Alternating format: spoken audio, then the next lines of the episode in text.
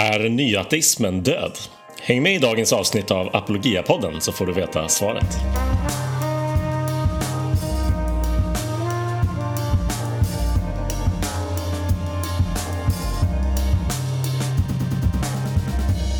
Välkommen till Apologiapodden. Jag heter Martin Helgesson och med mig i studion idag har jag inte mindre än två eh, gäster, eller eh, ja, det är mina kollegor helt enkelt. Stefan Gustafsson. Hallå, hallå.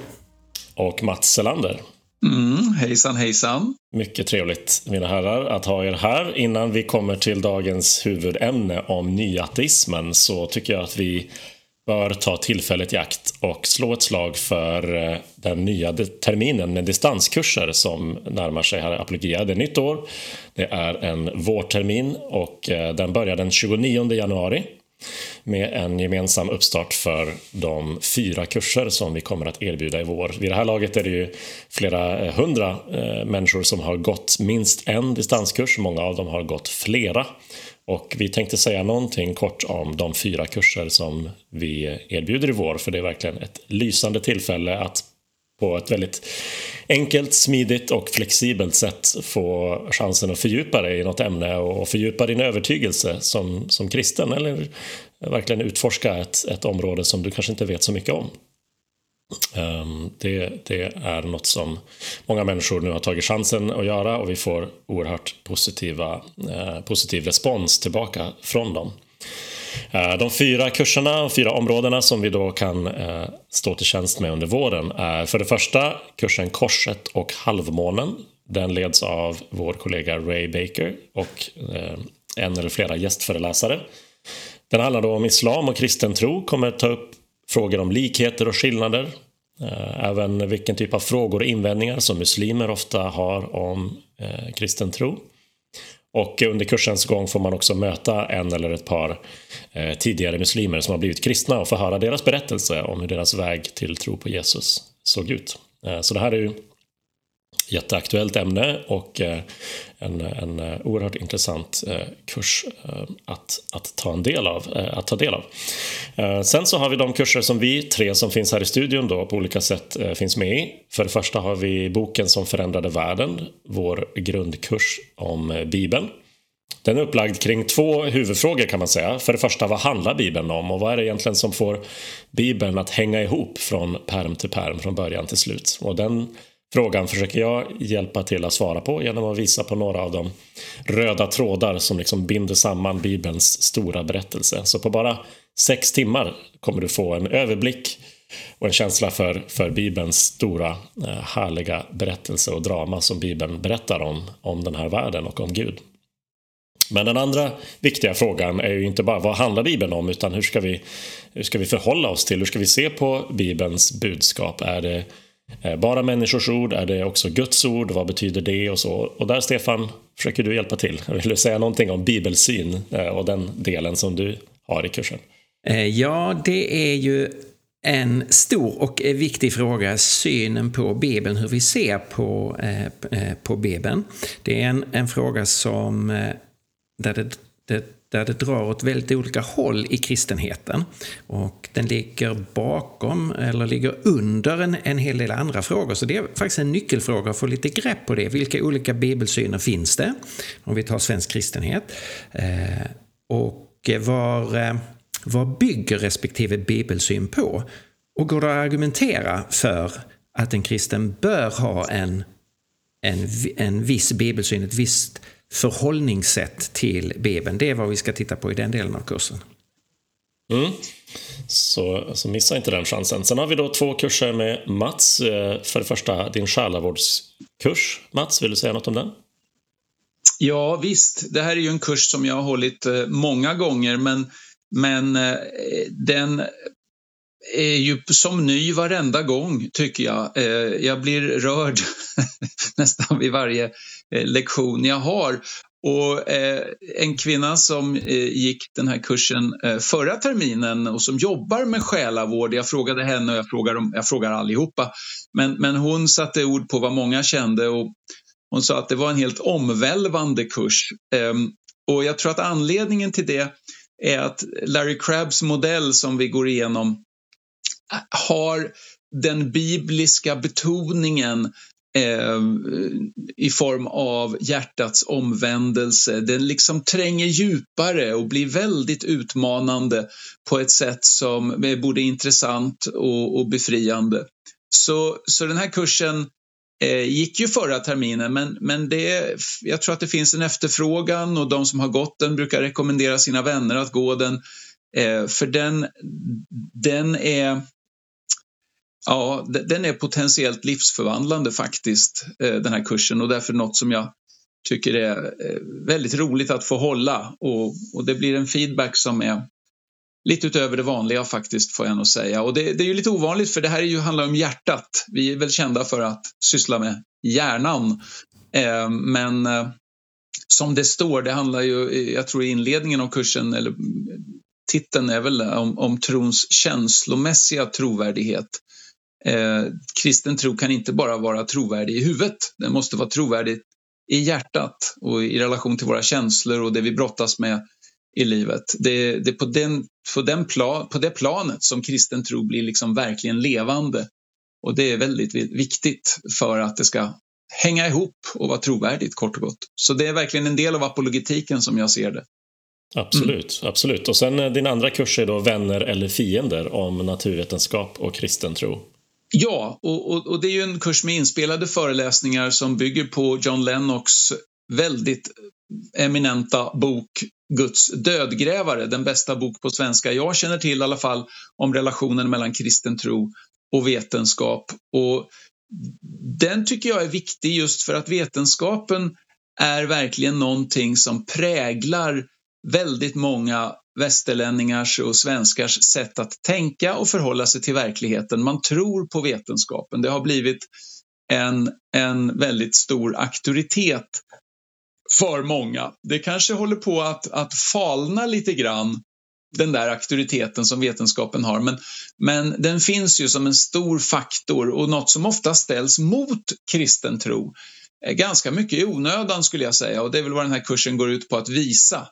Eh, och till och med så att, att vetenskapen i, i hög grad eh, ger oss skäl för kristen tro, skäl för gudstro och, och så vidare. Så att vetenskapen är ju eh, faktiskt inte någon fiende i någon högre grad utan en vän till den kristna tron. Det är vad, vad den här kursen går ut på att visa. Och det är ju en väldigt viktig sak att bearbeta i vår tid, tycker jag.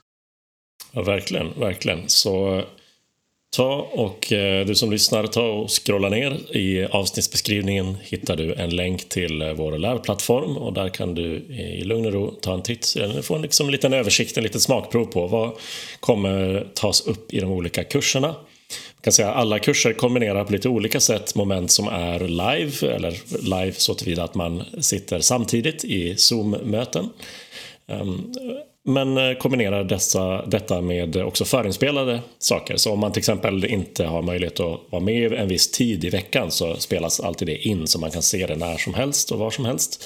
Även i sin mobil. Och vissa kurser har till väldigt stor del förinspelade moment eh, som är då särskilt flexibla så att säga. Eh, kurserna är lite olika långa, de har lite olika pris beroende på hur långa de är och möts olika veckodagar. Så Gå in där så kommer du garanterat hitta något du tycker är intressant och värt att lära dig mer om. Vi som eh, kristna vi ställer ju ofta frågan vad vill Gud med mitt liv? En mycket eh, väsentlig fråga förstås. Och ett möjligt svar är att Gud vill att du ska gå en av Apologeas distanskurser under våren. God loves you and Stefan Gustafsson has a wonderful plan for your life. Eller hur? Exakt så är det. Så är det. Precis så är det. Och eh, med det så tänker jag att vi går in på dagens huvudämne då och ska prata lite grann om nyateismen och nyateismens eh, död kanske. Det här var en av spaningarna vi nämnde lite kort i vårt sista avsnitt för 2023, Stefan. Eh, därför att vi har anat inte bara under det året, men en tid att det kanske finns en lite större öppenhet i vår kultur för den kristna tron nu än förut. Och under hösten inte minst så kom det flera, mm, vad ska vi säga, eh, vittnesbörd om reportage om olika typer av, av sätt att, att sätta ord på en tanke här om att nyateismen som rörelse kanske faktiskt är ett avslutat kapitel nu. Bland annat den stora eh, tidningen Christianity Today hade ett reportage just om, om nyateismen är död, sa de rakt upp och ner. Eh, Mats, du var ju redaktör för vår bok Gud och hans kritiker för några år sedan. Så jag tänkte börja med att fråga dig, vad är, eller ja, kanske vad var då nyateismen för något? Ja, det var ju en sorts uh, liten rörelse kan man säga, global eller i alla fall i västvärlden, eh, som centrerades framförallt kring fyra personer, Richard Dawkins, Daniel Dennett, Sam Harris och Christopher Hitchens, som skrev eh, böcker. Eh, Richard Dawkins bok Illusionen om Gud är väl liksom den, den kändaste. Och, och, det här var en rörelse kring de här personerna, kring de här böckerna som samfällt hade en, en ny retorik kan man säga, ett nytt tonläge. Um, det här var ju, uh, jag tror 2006 så var det tidskriften Wired som myntade begreppet nyateismen. Och, och jag tror nog att en, en, ganska viktig faktor, det var nog flera saker, men 9-11 där, nu ska se, var det 2001 som det skedde? Så, så det, det, tror jag var i alla fall en utlösande faktor. Jag undrar om det inte var Sam Harris som nämnde det uttryckligen, att det var en faktor för honom att nej, nu, nu har det gått för långt. Nu har religionen den skulle ju dö ut, var det ju sagt. Och nu, nu ser vi muslimsk extremism som som ligger bakom terrorattentat och en, en bibeltroende evangelikal president, George Bush, eh, och, och ja, en massa andra saker som vittnade om att religionen i dess eh, goda och onda former är definitivt inte ute ur bilden. Eh, och det här tror jag är en, en frustration som de här lite ledande personerna då kände om de samordnar det här eller ej, det vet jag inte. Eller om det var en tillfällighet att de så att säga kom ut med de här böckerna. Men, men det här blev ju en rörelse på det sättet att, att böckerna sålde väldigt mycket och det skrevs mycket eh, artiklar och, och, och sådär kring det här och även debatter. Kristna försökte ju besvara, Richard Dawkins var i, i debatter med John Lennox och, och ja, många diskussioner kring det här och flera böcker från kristet håll, bland annat vår och, och många andra, för att besvara de här argumenten. Och egentligen är ju inte argumenten särskilt nya utan det var ju retoriken som var ny, tonläget, det var det nya. Faktum är att, att ganska mycket kritik av nyatismen är ju faktiskt att argumenten är nu sämre än vad de var på ateismens gamla goda tid, så att säga, med Bertrand Russell och John Leslie Mackie och, och de där eh, gamla dinosaurierna, Anthony Flew och så. De, de ateisterna hade bättre argument, de var mer intellektuella. Här är man mera känslomässig eh, i sin kritik då. Mm. Man fick ju ett, ett väldigt stort eh, genomslag i kulturen. Eh, de de hade ju en hög akademisk status, alltså eh, Dawkins, eh, professor i Oxford, Daniel Dennett, professor i filosofi någonstans i USA, minns inte vilket universitet, men så de hade ju, eh, hade ju hög trovärdighet utifrån sin akademiska bakgrund. Christopher Hitchens, framstående journalist och författare, oerhört duktig på kommunikation. Ehm, och de de inledde, om man får använda en religiös term, en form av korståg mot religion med väldigt högt tonläge och fick då också väldigt stort genomslag i, eh, i kulturen.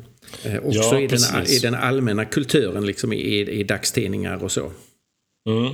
Vad, vad, tror ni, om man skulle säga någonting om det här genomslaget, var det en särskild grupp människor på något sätt eller var förenade? De, de, vi har nämnt företrädarna, men om vi tänker följarna eller den stora massan som Eh, Eh, tyckte om, rördes av, eh, kände sig engagerade eh, för det här och så att säga blev en del av nyateismen som fenomen. Finns det någonting gemensamt som de har som, som gjorde att man lockades med, tror ni? Ja, jag, jag, jag har lite svårt att svara på den frågan på något säkert sätt. Mitt intryck är ju att, jag menar, när jag gick på högstadiet på 80-talet så var, det ju, var ateismen en självklarhet på något vis. Så jag tror att, att väldigt många svenskar och västerlänningar som, som har en ateistisk eller agnostisk, ja, ateistisk agnostisk uppfattning om tillvaron, en naturalistisk världsbild. Jag tror att många av dem har liksom känt att, att vi har vunnit, man var avslappnad. Man, jag kommer ihåg hur jag själv tänkte om, om, om religiösa och kristna, att det, det var ju de som var lite mobbade eller som, som hade fått det med modersmjölken. Det var en liten minoritet, som, en försvinnande minoritet som, som vi alla visste hade fel och som vi alla tyckte lite synd om. Eh, och, och alltså, lite överseende. Va? Och det, här, det, det, det är den här mentaliteten jag tror ändras hos många i och med att religionen visar eh, att den inte alls är ute ur bilden. Eh, och det är den upprördheten som jag tror, och då, då tror jag att, att många som redan hade en ateistisk övertygelse började läsa det här och blev liksom upprörda tillsammans med Richard Dawkins och Dennett och Hitchens och Harris och så vidare. Det, det är min gissning. Jag tror att det en, en, väldigt stor del av attraktionskraften var att eh, man retoriskt var så skickliga och och eh, eh inte minst eh, eh, Richard Dawkins har ju en mängd soundbites, alltså eh, eh, korta formuleringar som fångar en, en, ganska stor frågeställning och som låter så väldigt bra och så väldigt övertygande. Så eh Mats, du nämnde eh, tidigare eh, liksom religionsfilosofer med sin kritik mot, mot kristendomen. Eh, och det är liksom mycket mer Eh, filosofiska, precisa resonemang men då, det får inte alls den sortens genomslag i kulturen. Här var det eh, populistiska argument om Gud och jultomten och om eh, eh du tror bara på eh, det här med antalet gudar man tror på och om bevisbördan och eh, om hur religionen förgiftar allting. Det, det var många sådana här formuleringar som fick stort genomslag och som jag tror gjorde att det var enkelt att haka på. Du behövde inte ha ett sofistikerat resonemang utan du, eh, du kunde ta till dig de här eh, slagorden kan man ju säga.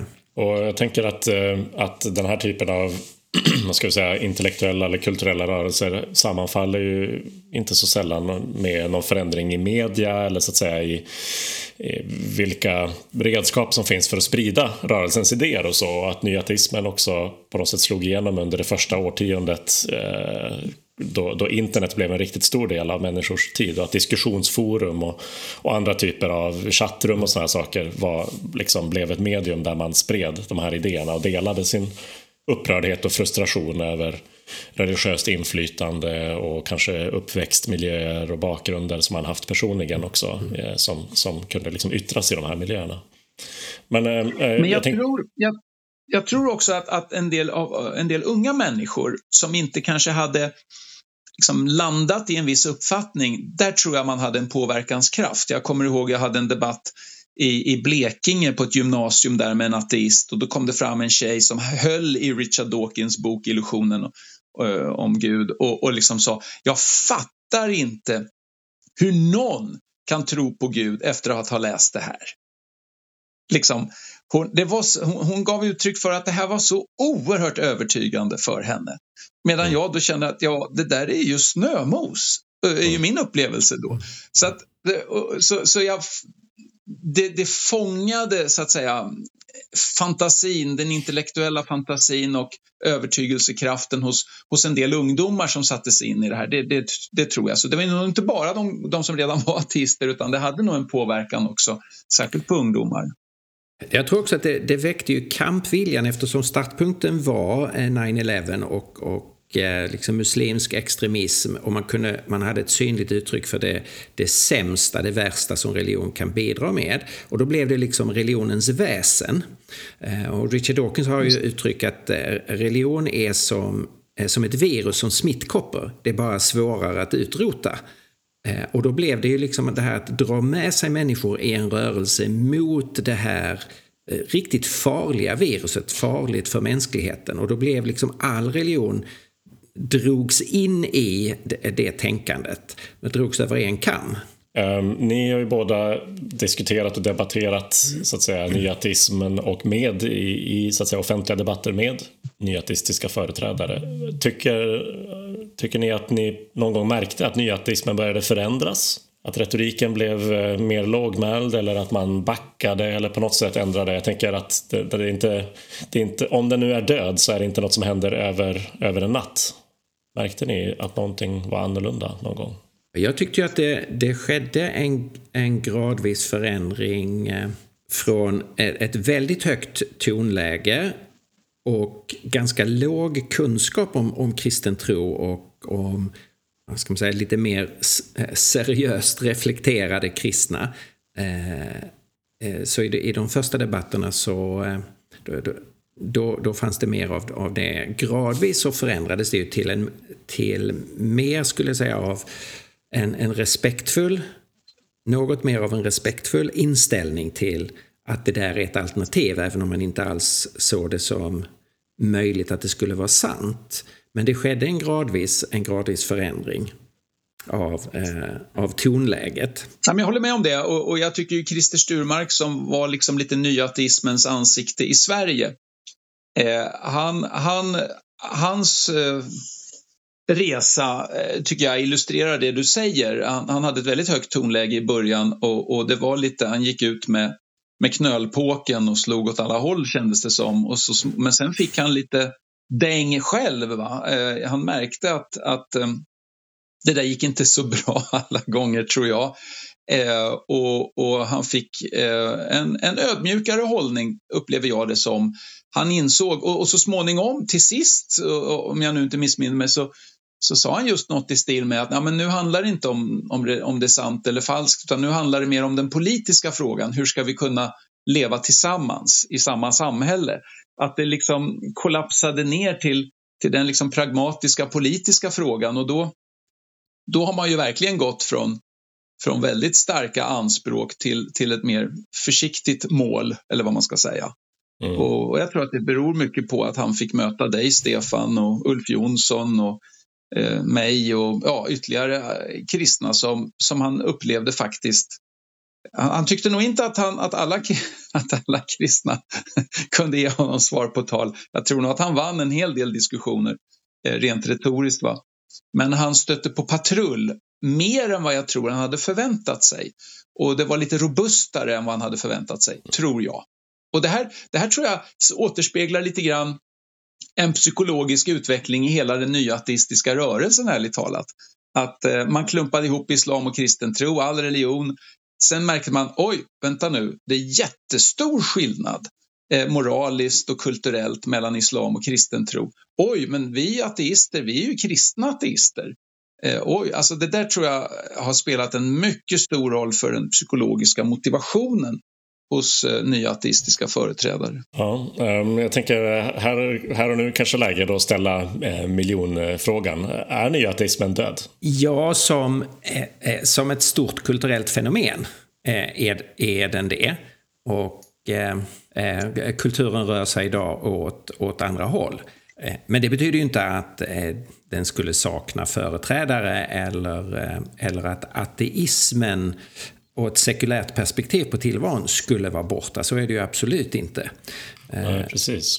Dödsorsakerna då? Mats, eh, du var inne på det lite grann psykologiskt. Vad kan ha hänt så att säga lite grann hos, hos ledande personer längs vägen och så. Men jag tänker att eh, när vi, när vi har pratat lite inför den här um, inspelningen har vi pratat om intellektuella, existentiella, kulturella faktorer någonstans. Vad är det som har luckrat upp det här projektet som, eh, det här, som, som så att säga ett kollektivt kulturellt fenomen?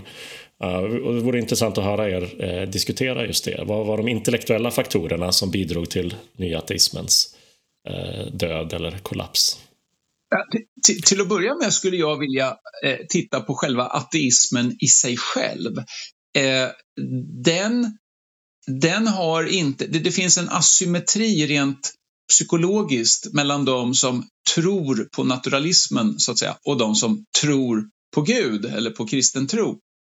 Och det är det att, att jag, har inte, jag har inte stött på några ateister som liksom brottas med tvivel och har liksom, den där känslan, åh, ska jag verkligen tro på ateismen eller ej? Och, hur, och jag, jag vet inte vad jag ska ta vägen här i tillvaron. liksom. alltså, det är som att en ateist som tvivlar på ateismen mår inte så dåligt över det. Och jag tror att det beror på att ateismen inte har något väldigt stort positivt värde psykologiskt för den personen. Utan ateismen funkar mer som en, som en, en, eh, Eh, en skyddsmur, eller vad man ska säga, inom vilken jag får bestämma det som är viktigt för mig på något vis. Eh, ateismen ger inte ett positivt innehåll. Liksom. Eh, kristen tro, religion ger ett positivt innehåll, säger någonting i positiv mening om vad tillvaron är till för, varför jag finns som människa, vad är meningen med mitt liv och, och, och, och, det ger psykologisk motivation på ett helt annat sätt och det betyder att när man tvivlar på det så blir det så mycket jobbigare att bära det tvivlet. Och, och jag tror att det här, det ligger något naturligt i att en, en ateistisk rörelse lite grann dör ut av sig själv, för den har inte riktigt den där motivationen att upprätthålla. Man bygger inga kyrkor och man startar inga liksom, universitet för att lära ut ateism. Liksom. Det, det, det, den där positiva psykologiska drivkraften finns helt enkelt inte i ateismen och det beror på ateismens egen natur. Det tror jag är en, en helt naturlig faktor. Man kan ju säga att mycket av neatismen är ju, det är ju eh, en kritik av religion eh, och den dekonstruerar en mängd, en mängd föreställningar. Men sen när allting ligger i ruiner, vad har man kvar? Alltså man, man, man kan inte ge ett, ett, ett positivt eh, alternativ. Eh, och, och, det är det som sen liksom kulturellt, när nu så mycket i kulturen håller på att falla samman, så visar det sig att, att eh, nyateismen och ett sekulärt perspektiv är, står väldigt handfallet inför de jättesvåra utmaningar som eh, västerlandet står inför eh, och som mänskligheten står inför. Eh, det finns inte mycket som kan tända liksom hopp och eh, vägledning eh, utifrån det här bara, nu ska vi dekonstruera vår, vår kristna historia. Eller mm. dekonstruera den kristna tro som har burit upp vår historia. Just det. Ja, så det, deras svar där spänner lite över de här tre olika så att säga, fronterna men just med, eh, har mer att göra med så att säga, avsaknaden av det positiva eh, caset, den positiva världsbilden, visionen som, mm. som inte finns där riktigt. Men eh, om, vi, om vi isolerar oh, man, lite Mm. Men, men, man kan ju lägga till där att det, det som var väldigt effektiva soundbites eh, och som funkade bra i eh, liksom, Eh, Eh, just som soundbites. Eh, om man sen analyserar dem så, så var ju en ganska stor del av dem är ju absolut inte hållbara och det skulle jag säga, det har ju också gradvis visat sig. Och det är ju inte bara kristna apologeter som har eh, visat det utan det är också ateistiska filosofer som kan säga att eh, man skäms för att vara ateist när man läser Richard Dawkins bok. Därför att det som argumentation inte håller samman. Så det, man kan säga att eh, de här slagorden, de, det visade sig liksom att de saknade, saknade mycket tyngd.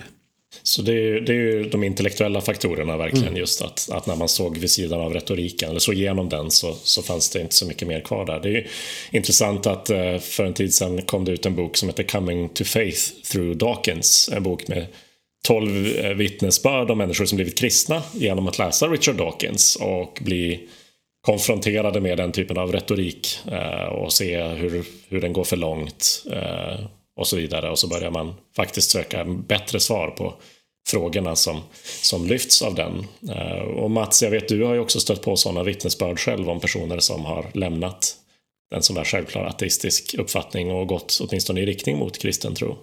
Ja, jag fick ju kontakt med en eh, kille, David, som eh, e-mailade mig och sa ungefär så här. Han skrev att ja, jag, jag var en trygg humanist, trygg i min livsåskådning, i min ateism. Sen så lyssnade jag på din diskussion, din debatt eh, som ligger på nätet då med Christer Sturmark.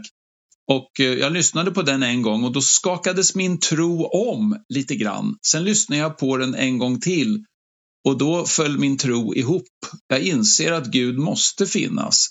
Din argumentation är överlägsen eh, och Christer svarar inte på det, särskilt när det gäller det moraliska argumentet för Guds existens. För det var någonting som gick in under skinnet på den här killen. Och det roliga med den här killen är att han, han är en sån här överliggare. Han har ju läst hur mycket filosofi som helst på Stockholms universitet och, och är väldigt duktig tänkare måste jag säga. Och han frågade om han fick ställa frågor till mig och det gjorde han och de frågeställningarna som han ställde, jag har nog all, sällan eller aldrig stött på någon som tränger så djupt in i, i vad ska jag säga, i, i, frågeställningarna. Och det roliga är att när jag sen lyckas svara på honom på ett tillfredsställande sätt, det har jag inte lyckats med alla frågor, men, men, men flera stycken, då säger han, ja men det där var ett bra svar, nu är jag nöjd, jag bockar av det och så går jag vidare. Han har en intellektuell eh, hederlighet som är något enastående faktiskt och väldigt, väldigt roligt. Eh, och han skrev även ett e-mail till Christer om, om just det moraliska gudsargumentet och sa du svarar ju inte på de här frågorna men han sa jag fick inget svar av Christer. Mm. men, men eh, det där är i alla fall en, en liten del av det hela att att, man nog, att, att, att det finns de som faktiskt har upplevt att argumentationen är tunn eh, och, och, och otillfredsställande, rent förnuftigt alltså. Eh, och nu gör ju inte alla den bedömningen, men, men det här är åtminstone en del av, av det hela. Och, och, och, och, är det, är, och det räcker faktiskt lite grann med att, att några stycken upplever det så. För då blir det svårt för de andra att känna så här, ja, det här är så övertygande så att alla bara måste hålla med. Nej, det är precis så det inte är. Det är inte särskilt övertygande. Um, och, och den där, det tror jag är en faktor. Ja. Och, och den, den sortens vittnesbörd speglar ju också något av det vi, tänker jag, som kristna apologeter uppskattade mest i nyateismen, nämligen stunderna där man, eh, och, och liksom mötena där man märkte att här finns en, en genuin övertygelse om att det finns en sanning och vi ska söka den och vi ska se vad är det mest välgrundade att tro på. Och, eh, en, en skojig grej där, en sko Martin, en skojig grej där var ju att vi, vi skojar ibland med, med humanisten och sa så här, vi är så glada att ni finns för att för det finns bara två lag i den här ligan och det är ni och vi och finns inte ni då blir det inga matcher. liksom. Så ja, de höll väl lite med ja. och, ja, Precis, och där kan ju nyatismen, eh, jag vet eh, Justin Brierley, engelsk eh, apologet, han, han säger ju det att han tackar Gud för för Richard Dawkins. Nej, men för att han menar just att även om eh, alltså det, det, finns ett antal människor som har letts till tro av det men det är också på ett större plan hjälpt kyrkan att lite grann komma in i matchen och börja söka bättre, mer övertygande grunder för sin tro och sätt att kommunicera dem. Så. Men jag tror att vi, vi skulle nämna någonting av, av de andra sorternas faktorer också, existentiella eller kulturella, som har gjort att nyateismen har tappat mark, så att säga. Vad är det som har saknats i, i antingen eh, det egna livsbygget eller, eller samhällsvision och samhällsbygge som har, som har gjort att den, den eh, kollapsar? Så den, den, en av de stora förändringarna i, i västerlandet de senaste decennierna det är ju förstås eh, islams växande närvaro. Eh, och eh, de, de utmaningar som det innebär för, eh, eh för vår kultur.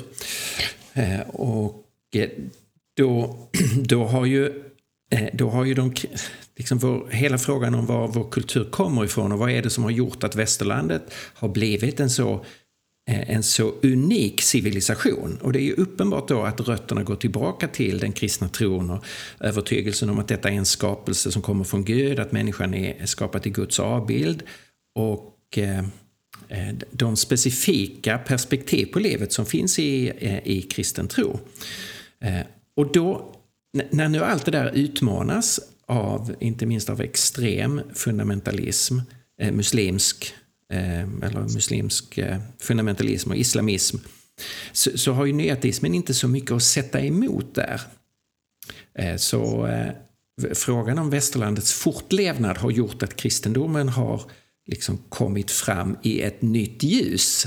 Eh, vad är det så smart att försöka ersätta kristendomen med så att säga ingenting, bara ett förnekande av Gud och så har vi kvar bara naturen som referenspunkt.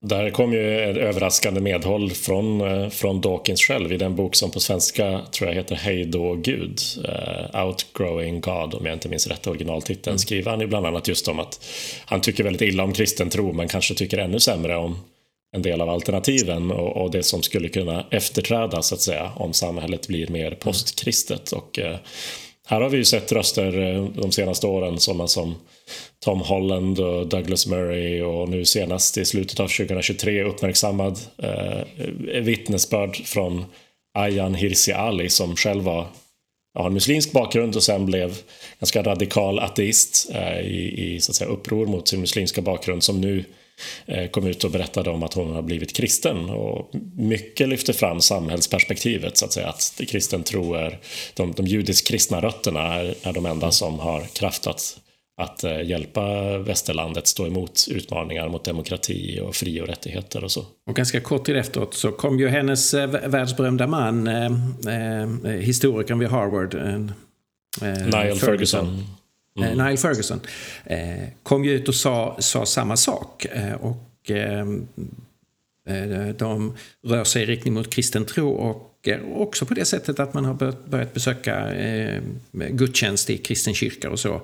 Eh, så det är ett ganska, ett ganska stort steg.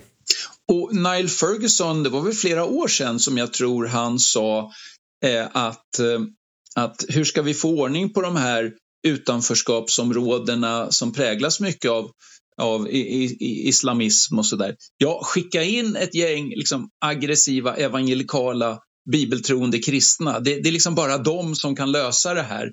För, det, för, för ska vi liksom, ja, ateismen är inte intressant för människor som har vuxit upp inom islam och har en stark gudstro. Vi måste se till att deras religion blir lite mer human, lite mer civiliserad, ja, kristen kort och gott. det var mm. hans liksom lösning. Och det här sa han ju medan han var en tvättäkta ateist om jag har förstått det rätt. Det var ganska Intressant. lite rolig, rolig mm. infallsvinkel mm. Mm. på det hela. Och jag tror att Richard Dawkins, som ni nämner, han, jag tror han har börjat inse den oerhört stora skillnaden mellan olika religioner. Här då främst då kristen tro och islam. Mm. Um, sist då, existentiella faktorer, har det, har det också varit en del av det? Vi har ju sett eh, Dagens Nyheters eh, kulturchef Björn Wiman har varit en av, av de som har pratat om hur gudstjänst och så att säga det här på något sätt lite mer personliga mötet med kristen tro har, har förändrat hans liv och andra röster har också pratat om, om inte en nyfunnen tro, en, en slags saknad. Eh, jag, jag önskar att jag hade kvar min kristna tro, alltså att man har kunnat lyfta fram den typ av eh, mer personliga existentiella dragkraft som finns i den kristna tron. Vilken roll har det spelat? Det blir ju ett nytt intressant läge i kulturen när sådana som Tom Holland, som vi har ju nämnt tidigare, den eh, engelska historikern och författaren, eh, liksom eh, börjar tala så positivt om den kristna tron och de kristna rötterna. Och likadant om man tar Dagens Nyheter ju, som har ju haft en identitet av att vara kritikern av kristendomen och kyrkan liksom går i främsta ledet tillsammans med eh, Ingmar Hedenius. När nu plötsligt deras kulturchef eh, börjar skriva om sådana här frågor på ett positivt sätt och också berätta om sitt eget liv, att man söker sig mot kristen tro och besöker eh, gudstjänst. Eh, och man ska inte underskatta det när eh, de som har hög kulturell status eh, liksom öppnar dörrar och visar att det här är, det är möjligt för en, eh, eh, eh för en modern högstatusperson att liksom börja gå, gå åt det hållet. Eh, så det, det är en intressant, intressant ny företeelse och det har ju sen eh, har vi ju diskussioner om Gud och religion på, inte minst på Expressens kultursida via, via Joel Halldorf och så, att, att liksom frågeställningarna diskuteras från ett nytt perspektiv idag. Och sen tittar man lite internationellt och, och på Youtube och sådär så har ju Jordan B. Peterson och mm. eh, lite konservativa röster i USA och så vidare fått ett, ett genomslag globalt. Eh, och jag vet även svenska män, inte minst, har ju, det finns många som, som lyssnar på, på de rösterna och, och blir påverkade i mer kristendomsvänlig riktning. Jag såg någon liten mm. kommentar på någon av Jordan B. Petersons eh, eh, Youtube-filmer. Det var någon, ja, jag bor i Sverige, jag är bibliotekarie, jag har alltid varit ateist, men nu, nu håller jag nästan på att bli kristen. så där var, på grund av att han lyssnade på Petersons, eh, vad var det, bibelstudier då. Så här, ja, som, som, och det här är ju inte, det här är ju liksom inte de bibelstudierna är ju liksom inte, Peterson var ju liksom inte ens över, överlåten kristen utan han läste dem ur ett jungianskt psykologiskt perspektiv. Men att, mm. att han liksom, det finns de som börjar inse att, att, att vi, vi, kan inte tro på ingenting. Vi måste tro på någonting och vi måste tro på något som promotar det mänskliga. Som, som skapar ett mänskligt samhälle, som skapar mänskliga goda gemenskaper. Vi måste tro på något. Det där tror jag är en sak som allt fler börjar förstå. Och då, blir, och då blir det ett sorts apologetiskt argument där man börjar med vilket samhälle vill vi ha? Men vi vill ha det här samhället. Vad måste vi tro på för att få det? Ja, men då tror vi på det då. Och det är klart att då, då, sanningsfrågan eh, står ju inte då i förgrunden riktigt. Men, men det är på något vis av nöden tvunget att vi börjar tänka på de här sakerna. Men eh, okej, okay, om vi, om vi eh, så här efter att ha diskuterat vad som ledde till nyatismens död skulle fundera på vad kommer härnäst? Så att säga. Vad, eh, det har varit en ganska positiv tongång hittills i vårt samtal och det är såklart bra på många sätt eh, att eh, människor får upp ögonen för kristendomens kulturella existentiella värden och kanske rent av kommer till tro så att säga. Det är ju, mm. vi, vill, vi vill att de ska göra hela den resan och inte bara plocka delar som, som så att säga behövs för, för min egen skull eller för samhällets skull utan att se hela bilden. Men är det nödvändigtvis bättre förutsättningar nu för kristen tro efter nyatismen eller är de bara annorlunda? Vad säger ni om det? Vad, jag, så, eh, eh, jag såg Alistair McGrath som gjorde en, en kommentar där och, och, sa att det, var, det är alldeles uppenbart att, eh, att religionen nu har en annan plats i, i kulturen och, och samhället och i, i, debatten. Men det är inte med nödvändighet att det bara måste vara en bättre plats. Men det är en annan plats. Och jag tycker ju själv att man kan man måste se det att det, det som försiggår nu är ju en omvärdering av att religion, all religion är inte ett gift. All religion är inte eh, ond. Eh, religion kan ha ett, en positiv funktion. Men det är ju inte detsamma som ett bejakande av, av kristendomen. Och som, som Mats sa här precis så är ju sanningsfrågan står ju inte alls i centrum. Och man, man kan se som eh, historikern Harare, han som har skrivit Sapiens och eh, Eh, en efterföljande bok också. Han, han är ju ateist och naturalist, naturen är det enda som finns. Men han, han ser ju då att, att religion har ju en, en, eh, någon sorts oundviklig del av den mänskliga existensen och den, vi kan ge den en, en evolutionär förklaring. Den har säkert haft överlevnadsvärde, att människan har haft vissa, vissa föreställningar eh, och, och så man kan förstå och förklara religionen på det sättet. Eh, och då, då, kan man ju liksom få en viss positiv förhållningssätt till viss form av religion därför att det har en, en, en funktion. Eh, men kristendomen gör ju väldigt mycket större anspråk eh, bara än att det här är, är, är någonting som kan ha en viss funktion i ditt liv. Utan den funktionen enligt kristen tro bygger på att det här verkligen är sant, att Gud finns på riktigt som upphovet till skapelsen och att, att att han har visat sig på riktigt i den historiska personen Jesus från Nasaret och att historien är på väg på riktigt mot en viss punkt, nämligen att Jesus ska komma tillbaka. Och allt det här kallar oss till omvändelse. Det, det som sker eller som kan bli en följd av den här nya positiva funktionella synen på religion, det är ju att frågor som har med personlig omvändelse, överlåtelse, lärjungaskap, tro, allt sånt där kan man ju tona ner eller modellera om väldigt mycket om om religion är en funktion som kan få samhället att fungera bättre eller få mig att må bättre. Och liksom punkt, det är inte, inte mer än det. Så här tycker jag man behöver ha en väldigt öppen diskussion kring de frågorna. Verkligen, och, och jag, jag, jag slogs, jag, jag är ju pro-life-aktivist och demonstrerar mot abort med jämna mellanrum och vid ett tillfälle så kom det en ung tjej och jag sa, men vetenskapligt sett så, så är det en människa i, som blir till med befruktningen. Och den här tjejen hon säger så här, ja men jag struntar i vetenskapen, den betyder ingenting för mig, säger hon. Alltså sådär totalt bara, det, det, har ingen auktoritet i mitt liv, vad som är vetenskapligt, säger den här tjejen. hon säger det inte liksom, i alla fall inte till synes på något upproriskt sätt, utan mest som en bara självklarhet. Och jag tror att bland ungdomar så kommer vetenskapen inte vara någonting som man så att säga bygger sitt liv på. Man bygger inte sitt tänkande på den vetenskapliga auktoriteten och sådär utan det är snarare teknik. Man använder teknik som en självklarhet i själva tillvaron men ingenting man, man ens personliga hållning och liv bygger på. Och, och jag tror att det är också en bidragande faktor till varför nyateismen blir mer, eh, inte så, kanske inte så intressant. För, för det, det enda positiva de så att säga, kom och bidrog, bidrog med var ju liksom, ja men vad är svaret istället då? Ja men det är vetenskapen. Men, men i den här postmoderna tiden som, som kanske inte är fullt så postmodern som de postmoderna akademikerna hoppas och tror. Men, men så, så, så, finns det ändå den dragningen och, och, det är individualismen. Det är just att det är individen. Mm. Det är mm. individen som är den totala auktoriteten här. Va?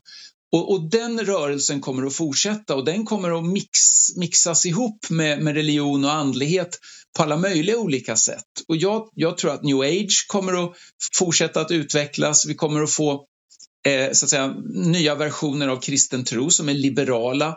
Eh, egentligen är det inte ja, synkretistiska versioner, liberal, karismatisk eh, kristen tro. Jag tror vi kommer få mer okkultism eh, där människor eh, laborerar med det.